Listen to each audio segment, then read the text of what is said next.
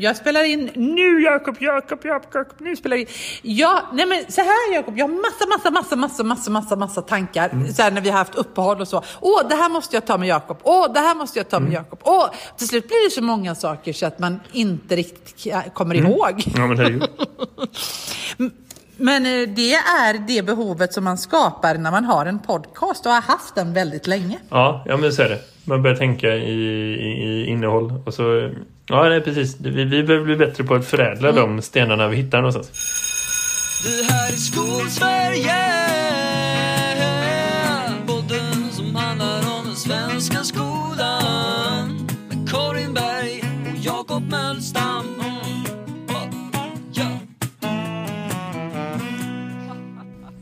så. Eh, ja. För att börja någonstans i en helt enda som inte och... har någonting med eh, skola att göra. Men som är, är nog så intressant. Jag var på filmfestivalen häromdagen och så mm. såg jag eh, Adam Sandlers nya film. Eh, han var, mm. Det var en väldigt konstig film i det, i redan innan. För det var så här, folk som pratade om att han kunde få en Oscars eh, nominering för den här filmrollen. Eh, och han är ju inte en person som gör Oscars-värdiga filmer annars. så. Nej, nej, nej. Och, och, han har till och med sagt i någon intervju inför att den släpptes att får jag inte en Oscar för det här då kommer jag aldrig få en Oscar någonsin. Så. Och folk blev jättebesvikna på att han inte blev nominerad och han blev jättebesviken på att han inte blev nominerad. Och då tänkte jag så här, mm. det är ju sån jävla hybris, det finns inte, vad är grejen? Han, jag ska säga, va? Mm. Såg den här filmen, jag ska inte spoila något förutom att säga att i efteråt är jag också lite besviken att han inte fick en Oscars-nominering. Full circle moment hela vägen runt. Det hade varit värt. Eh, så. Mm. Det betyder att jag behöver se ja, den det tycker alltså. jag verkligen. Sen kan vi prata mer om det. Jag har ingenting med skola och mm. utbildning att göra vad jag kan säga. Men eh, nog så spännande ändå. Karin, nu kör vi igång ordentligt. Vad har du för dig den här veckan? Ja, ja, ja, denna veckan och denna, denna veckan ett liv. Jo, men vi har utvecklingssamtal på måndag så att jag har haft mina sista mm. betygsprognossamtal och reflekterat över idiotin i detta.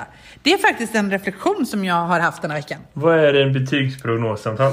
Ja, nej men vi har ju kurser på, på Schillerska gymnasiet, eller på alla gymnasieskolor så har man ju kurser som är på 100 poäng som löper oftast på ett år.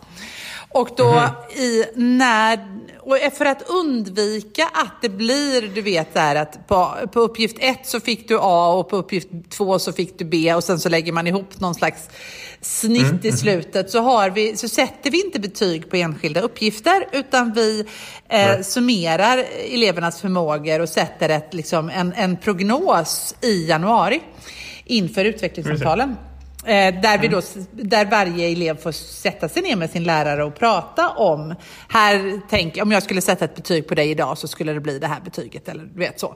Har man det samtalet eh, med varje lärare i varje ämne? Mm.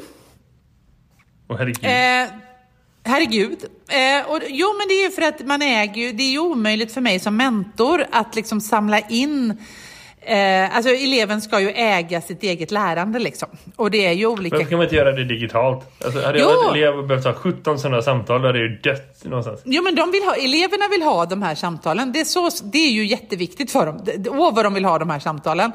Eh, men sen får ja, de ju det digitalt ändå. Alltså ärligt talat, jag hade, jag hade avlidit om det var så. Ja. Hade jag varit, nej, alltså, ja, mm. Mm. Nu ska jag sitta en halvtimme och prata med en person som ska berätta vad jag ska ha för betyg i... Nej, det är alltså, ingen En del kurser ja, en del kurser är så här, ja, ja, det här är ingenting jag riktigt, alltså va? För det första är det frivilligt, Jakob. Alla behöver inte gå, utan man, man erbjuder det. Och sen är det ju inte en halvtimme för varje elev, utan det är liksom två minuter att man får liksom stämma av lite. Okej, tack. Alltså, ja, men då så. Ja, det är då, ju... då, då, köper jag den grejen. För annars är det så här, jag, jag jag, jag, jag, insåg precis att jag inte haft virket i mig för att gå om gymnasiet idag. Jag har inte stått ut med den skit. Det kanske så kan man tänka om skolan överhuvudtaget. Men, det... Men jag hade inte haft liksom så här, ah, jag hade inte haft tålamodet att, att utsätta mig själv för den grejen en gång till.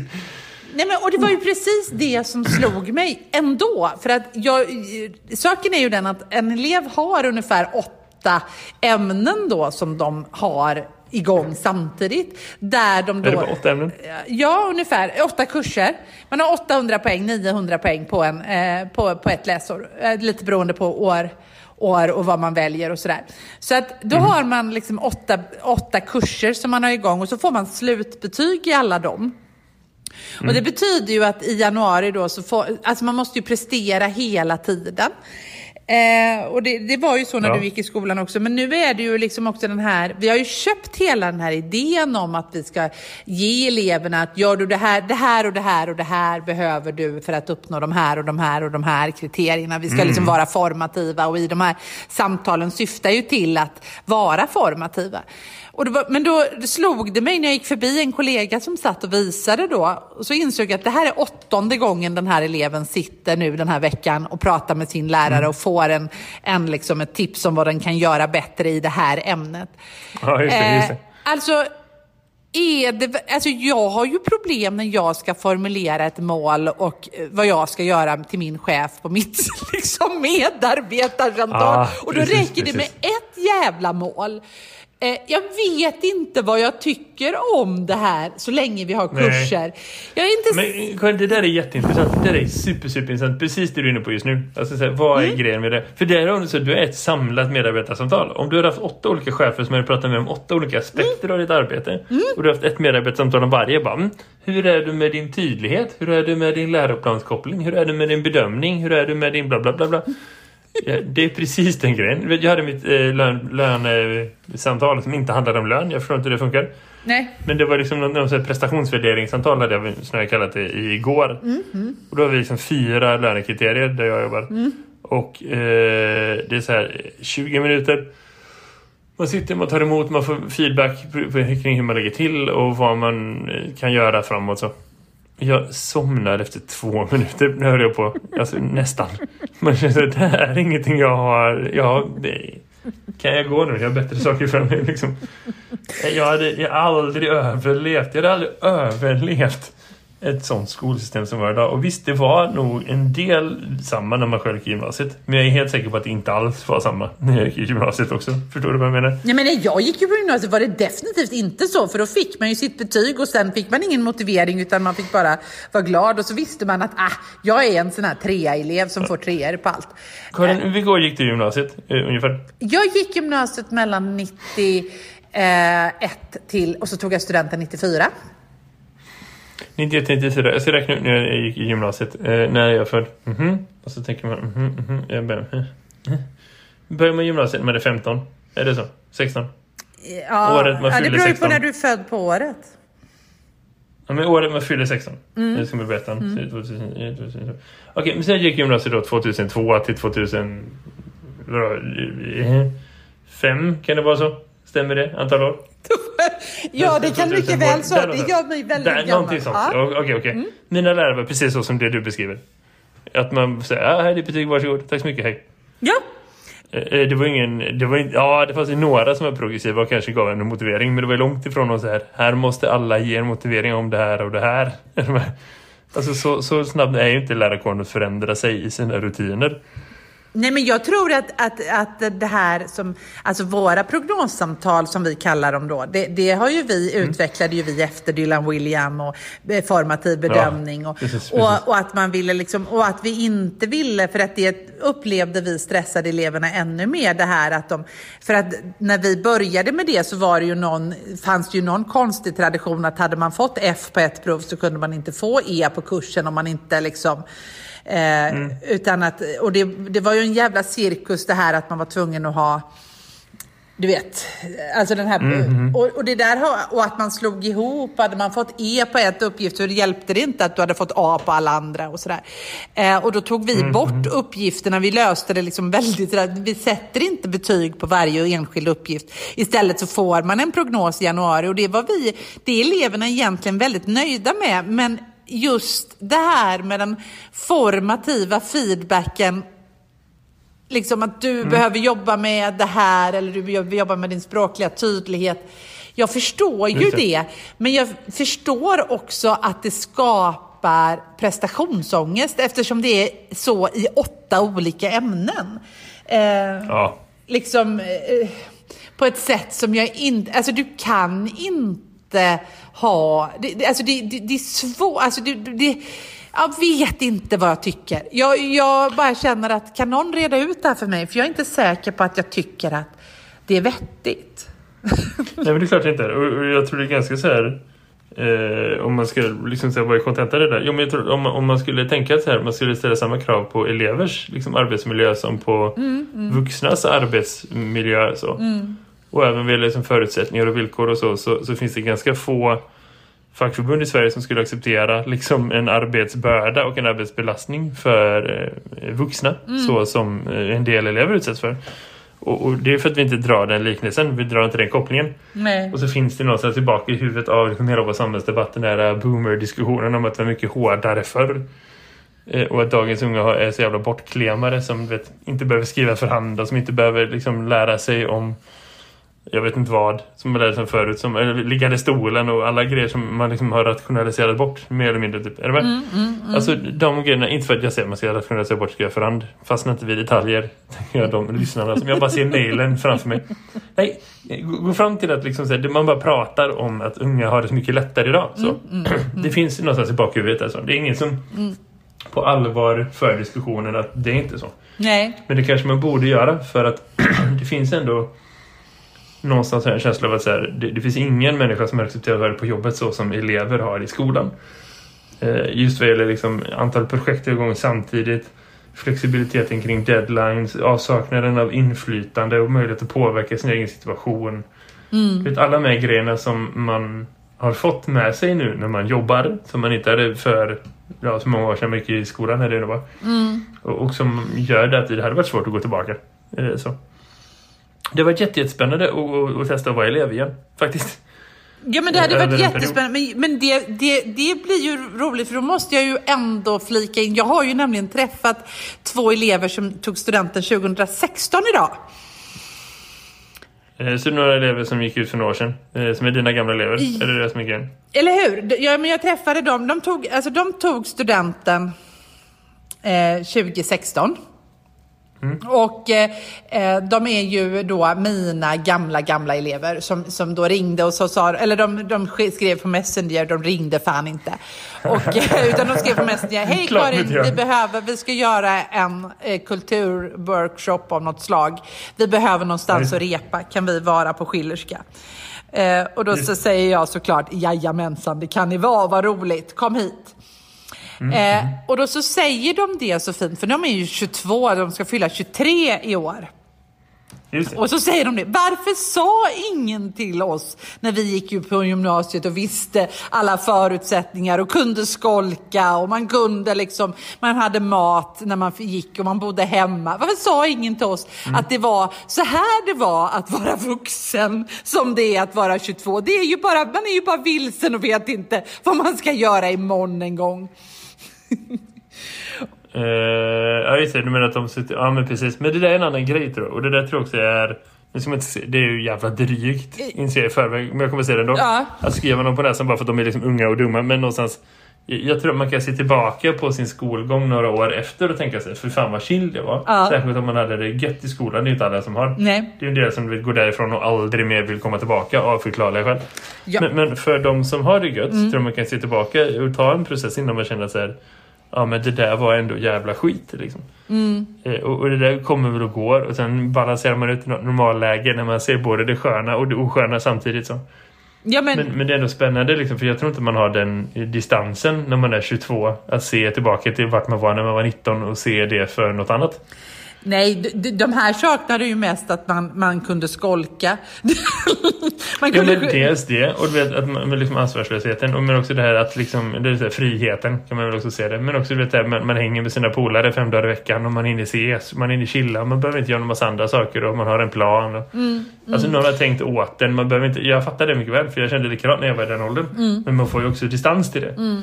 när man får lite mer stabilitet i sitt vuxenliv och när man får en fast inkomst och när man har liksom du vet liksom något annat. Eh, så. Mm.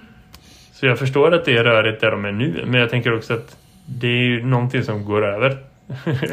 oh ja, och jag tänkte att det hade man ju lust att säga samtidigt som jag verkligen, verkligen förstår hur stressad man är när man går på gymnasiet. För jag har lust att påminna just de här två, utan att outa dem på något sätt, eh, att mm. Eh, de tyckte ju att det var svinstressigt när de gick här också. Eh, då, Ja. Men det har de ju glömt nu. Eh, Ja, och, ja, och, och just det här, jag tänker ju att en del av lösningen ändå på gymnasieskolan just är ju om vi får tillbaka eh, ämnesbetygen. För det blir ju liksom lite Ja, min... gud, Då kan man ju liksom jobba i längre processer. Då behöver vi inte avsluta liksom svenskan tre gånger och ge tre betyg. Det blir så Men konstigt. jag, jag förstår inte varför det inte redan är genomfört. Nej. Jag menar, man kan ju tänka någonstans att det är bara liksom, är en bra grej. Så, Men det är, så här, det är en uppenbar grej och det är så uppenbart lågt hängande frukt att Mm. jag förstår inte. Hur länge har vi haft kursbetyg i gymnasiet? Är det 15 år? 20 år? Det är sen 92, Mer 20. eller 94. Ja, ja du ser. Så det är 25-26 år. Mm. Hur kan man inte ta bort det för 20 år sedan? Nej, det är Jag har fått den jättekonstigt. första indikationen på att det är konstigt. Ja, men, Alltså sex år av sådana betyg och sen bara, nej, nej det var dumt. Det hade ändå varit en försvarbar tidsperiod. ja. 26 år och det är fortfarande ingen som på allvar pratar om det. Vi är inte jättesmarta i den här, den här myndigheten på något sätt. Jo, fast vi håller Vi på... är inte riktigt på tårna i, i vad vi håller på med. Fast vänta lite, vänta lite. Ingen ska vi inte säga, för det pågår en utredning nu om ämnesbetyg faktiskt. Ja, jo, jo. Men liksom att man inte varit rörande överens om det här i de senaste 20 åren, om vi säger så då. Ja, nej men, Behöver inte liksom så här, peta i detaljer. Liksom. nej men det är ju så konstigt. Det är verkligen så konstigt och det blir så konstigt när man liksom måste knö in. Det blir liksom, alla de här kurserna blir så jävla stressiga. Alla, alltså allt blir bara stressigt. eh, På ett sätt... Men jag förstår, det är ingenting som blir bättre. Nej, inget blir bättre. Utan man måste, åh nu måste vi lösa den här grejen. Alltså bara en sån sak som att jag har en kollega som blev sjuk och helt plötsligt inte hann med. Det blev, det blev en vikarie och så blev det missförstånd och så helt plötsligt så är det ett, ett liksom betygsområde som, som inte riktigt hinns med. Och, eh, eller ett kunskapskrav som inte riktigt hinns med. Och jag menar det mest praktiska är ju bara flytta det till nästa år. För att det går ju Ja, att sätta... men men då, det får du ju egentligen inte göra. Eh, Men, men alltså tänk då hur många elever det är på gymnasiet som missar chansen att få lära sig saker de inte får chans att lära sig sen. Eller Nej. som missar chansen att få de betygen som de egentligen är värda liksom, Mm. för att det är så. Det är inte lärare som finns eller det är lärare som mår dåligt eller lärare som liksom just nu har en svacka eller elever som just nu har en svacka fysiskt eller psykiskt eller vad det kan vara. Mm. Det är ju orimligt att förvänta sig att alla ska kunna prestera på topp hela tiden. Ja. Det räcker ju med att du har liksom så här, ja men jag var lite förkyld den här perioden. Eller vet du, man var lite nere av olika orsaker. Så. ja, eller att du får körtelfeber. och så är det liksom... Ja, ja visst, precis. Och sen är man körd. Då är du körd. Det, det är någonstans, det, det är ett system som... Det borde man till och med kunna sett innan man inför det. Ja. Jag ångrar mig, jag vill revidera mitt, mitt påstående. 20 år eh, hade varit för lång, alltså 20 år sedan. Hade fortfarande varit dåligt. Hade man inte fattat det här för 30 år sedan, in, fyra år innan man genomförde det, så, så hade man ändå skämts för det. Nej, jag, jag pekar finger på alla människor som var skolpolitiskt aktiva och ansvariga för gymnasiet för 30 år sedan. Fy fan för er att ni inte stod där komma och gjorde någonting åt det. Ja, men det gick ju lite fort där på slutet. Jag tror att de för 30 år sedan var rörande eniga om att eh, kurs, eh, ämnesbetyg ska vi ha. Jag tror att det bara liksom slängdes bara in som marknadsskolan och all möjlig skit. Men vi får väl se, vi får se vad som händer. Vi- Alltså, så här, jag hade en diskussion häromdagen med en eh, ungdom i Kanada som jag känner. Eh, Mm. Så vi pratade om klimatet som man gör. Eh, för de har en massa snö och jag berättade att det är ingen snö här alls. Hon blir så här, vad händer? Eh, och så pratade vi om det. Och så kom vi överens om att så här, ja, men en positiv grej med att allting går väldigt fort, käpprätt och skogen är att det kanske går lika fort att ställa tillbaka saker. Så kan man inte säga. Men, men man kan ändå hoppas. Eh, och man kanske kan applicera den logiken här också.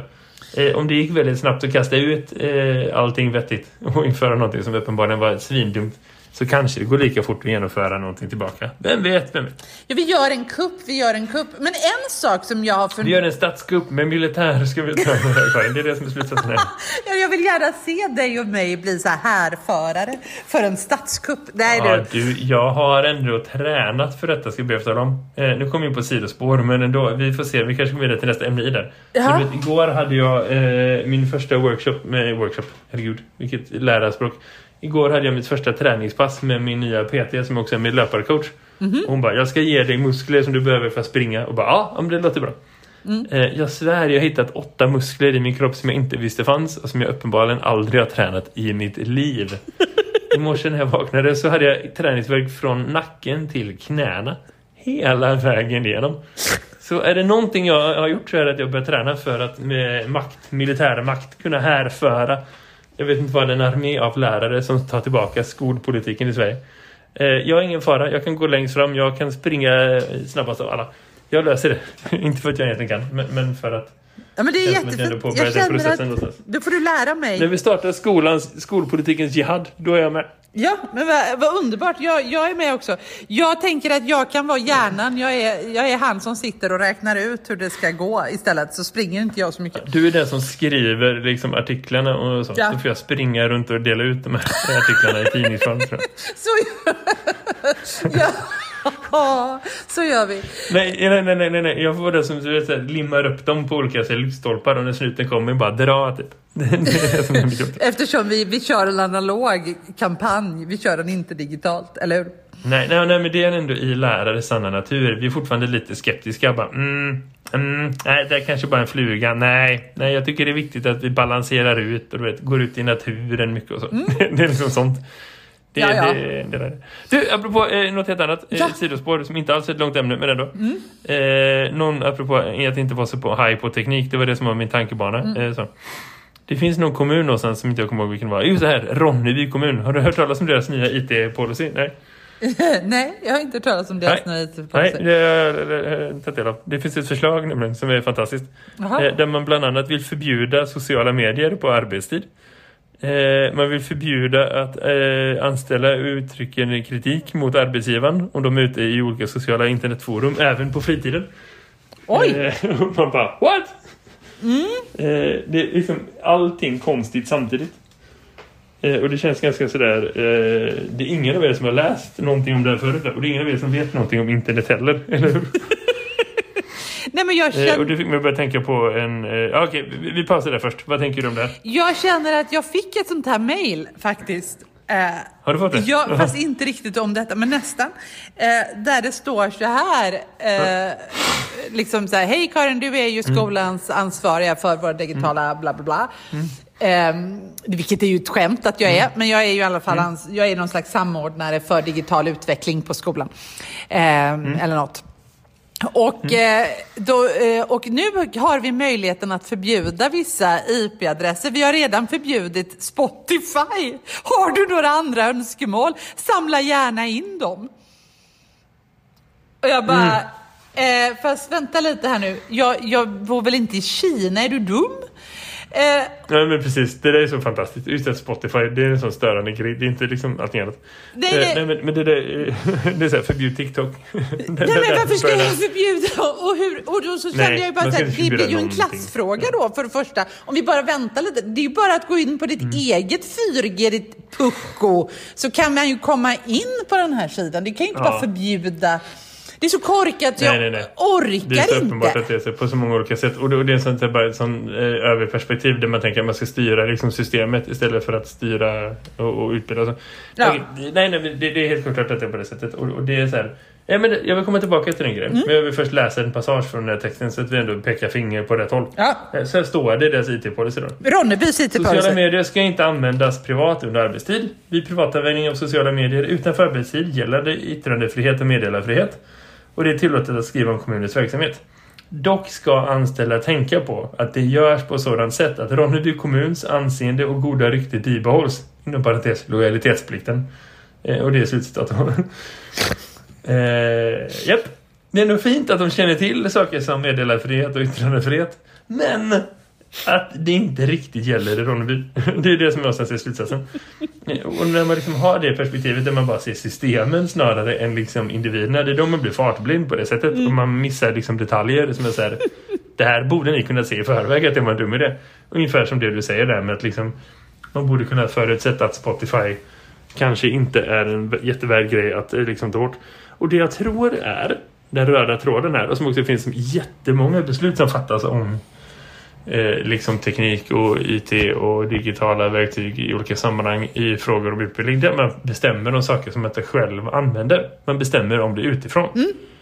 Personer som har bestämt sig för att blocka Spotify i, i ert nätverk. Det är inte en person som använder Spotify när han jobbar. Jag säger han, för IT-människor är han ofta.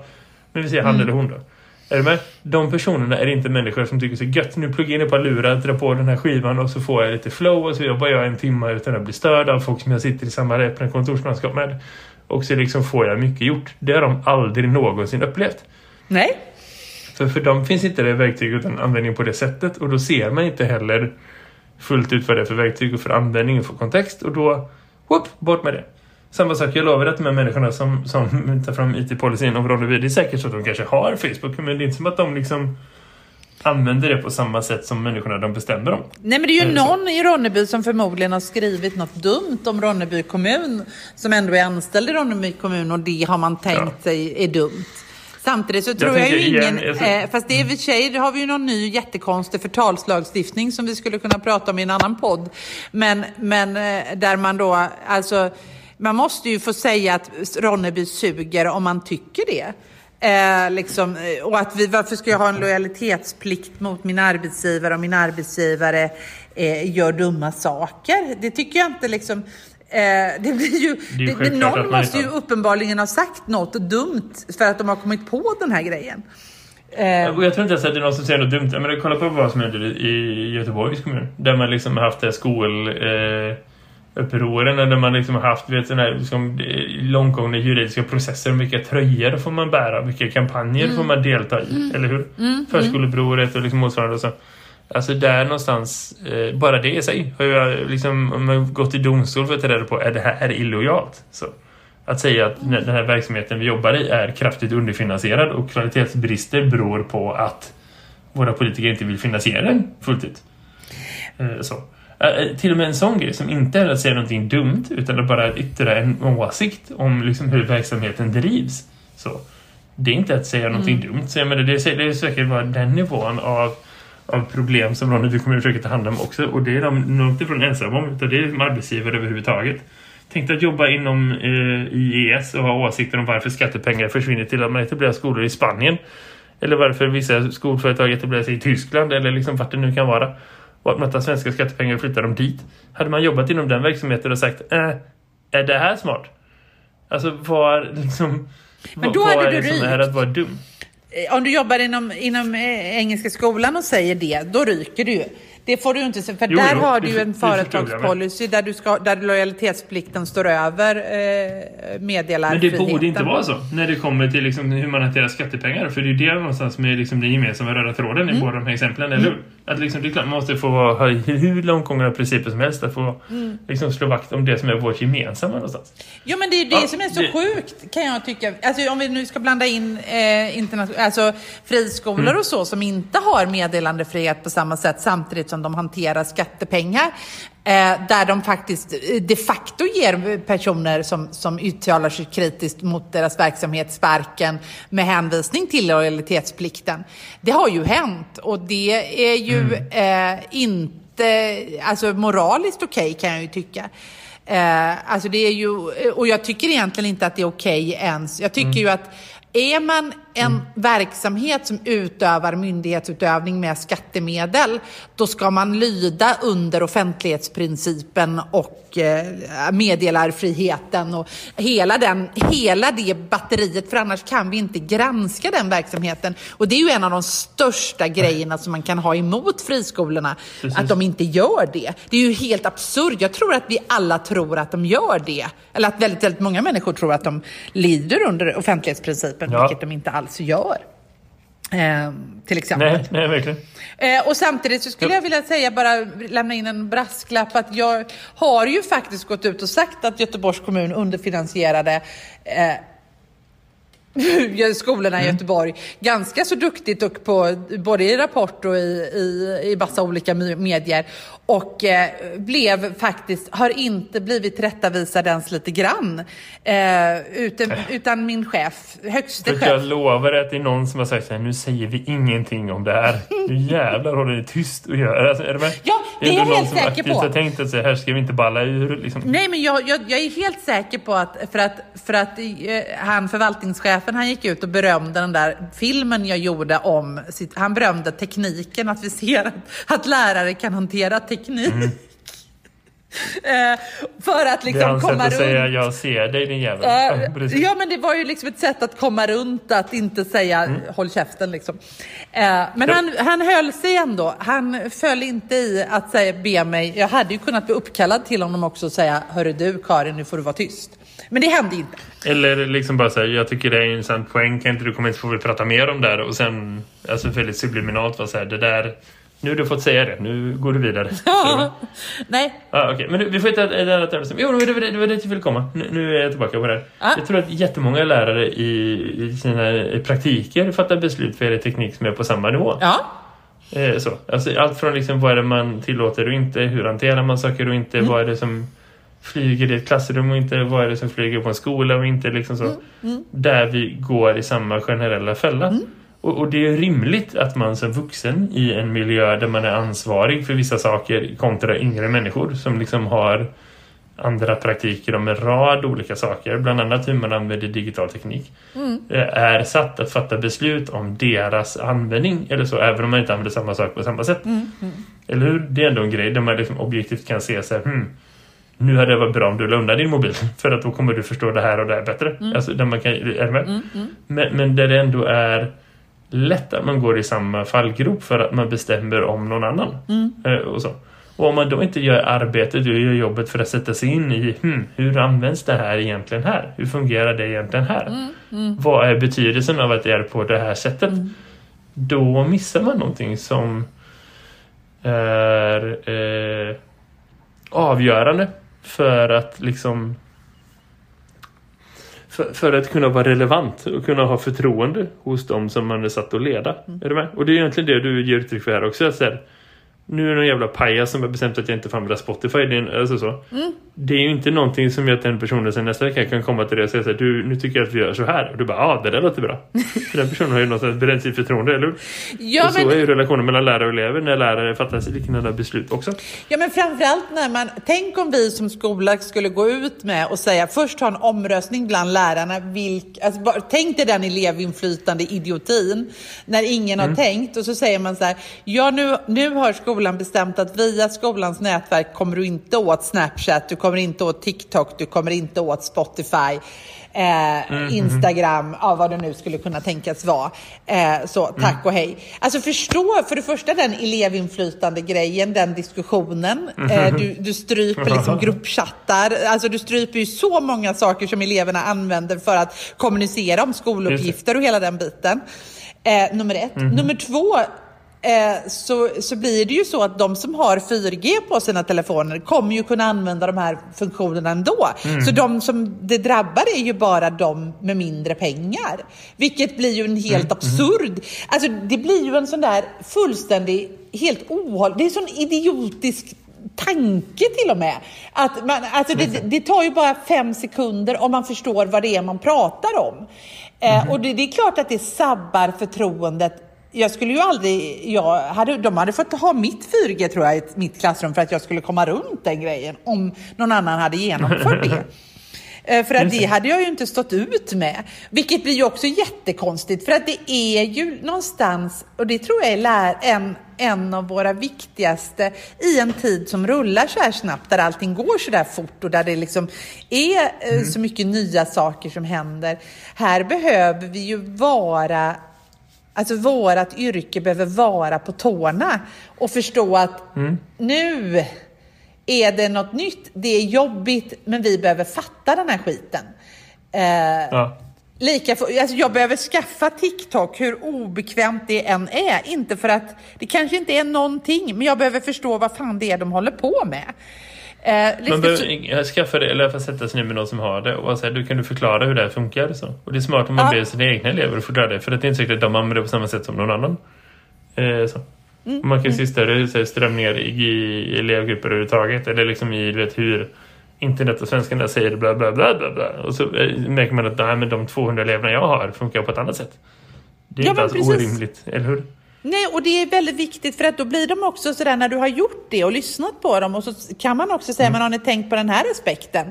Då lyssnar de plötsligt och så blir det jätteintressant för att då har de fått komma med sin aspekt och sin verklighet och så tar man sin, mm. egen, eh, sin egen eh, syn på det och så får man se, mm. eh, alltså så kan man lägga ett nytt filter på deras, deras filter och så blir det liksom, så lär man sig i en sån här tid där det snurrar så fort och där vi använder teknik mm som vi... Alltså det är ju rörigt att behöva ändra sig.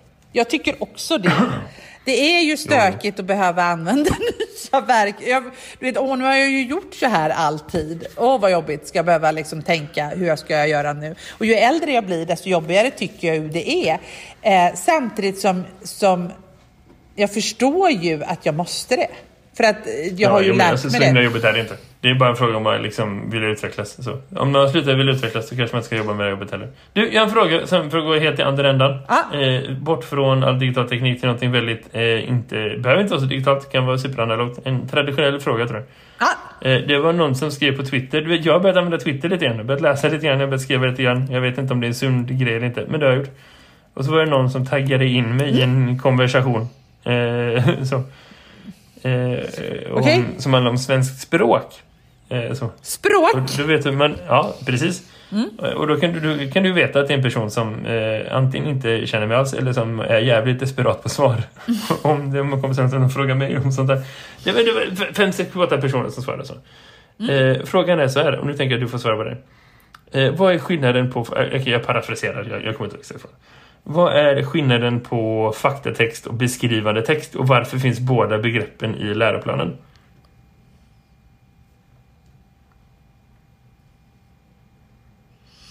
Finns båda begrepp? Jag har inte någon i min, min läroplan.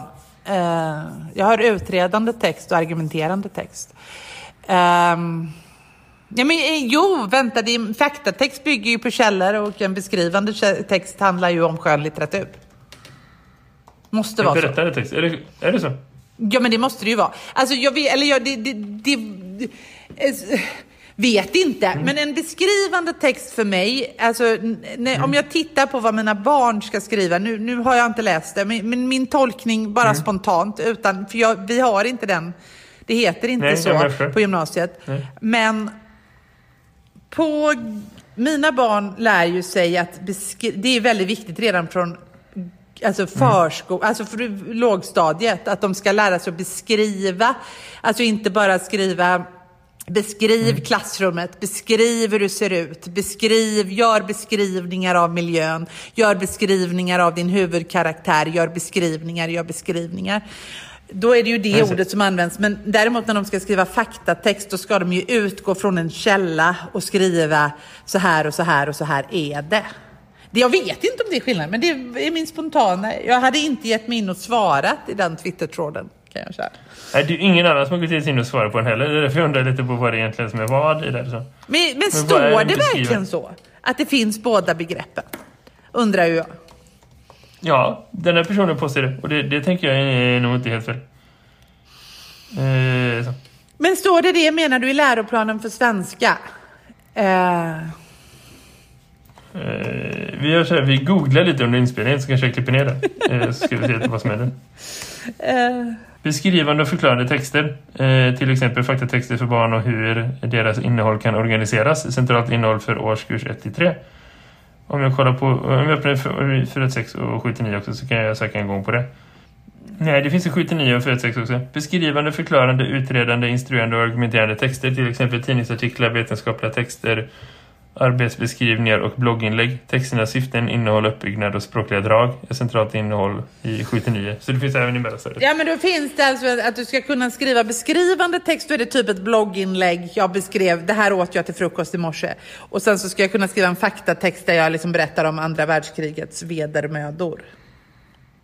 Just det, just det, just det. Och vad är då skillnaden om man ska säga det i en mening? Nej, men skillnaden är ju att en beskrivande text inte behöver vara baserad på eh, andra källor. Eller fakta. Där har du. Ja, det låter superrimligt. Mm. Ja, alltså, jag, jag menar, kul för dig. Ja, kul för mig. Hej då. Ja. Ja, men fint. Det låter väl rimligt. Ja, vet ingenting. Eh, men ja, det, men du har ändå fått ett svar. Ja, eh, fasen var bra. Har du mm. räddat Twitter igen via vår podcast? Eh, Karin, det var en fin insats. Nu kan du ändå gå hem och tänka att du har tagit helg och du förtjänar ett glas champagne sen på fredag eftermiddagen. Kan du gå hem och tänka yes, fan vad bra Bra jobbat, hör du. Ja, men jag tar ett glas champagne och firar min, min förträfflighet. Gör så, gör så. Du, ja, eh, det är dags att börja runda av den här podden också. Eh, det är ändå helg. Mm. Jag hade en jätteintressant uppgift idag med mina sexer. Eh, jag, mm. jag, har fått en matematik med dem sista lektionen på fredag. Och har insett att det här är ett didaktiskt dilemma som jag ska berätta mer om någon annan gång. Men då gav jag dem en uppgift att fundera på eh, som de inte fattade för de trodde det var så enkelt. Men sen kunde de inte enas om ett vettigt svar. Hur många timmar är helgen? Ja, kan du fundera på. Eh, så kan vi prata om det i nästa veckas podd. beror ju på när vi räknar helgen. Det är det jag menar. Ja. Så argumentera dig fram till vad som är ett rätt svar och så diskuterar vi det nästa vecka. Karin, ha det gött. Hej! Hej då! Vi här i Skolsverige Podden som handlar om den svenska skolan Med Karin Berg och Jakob Mölstam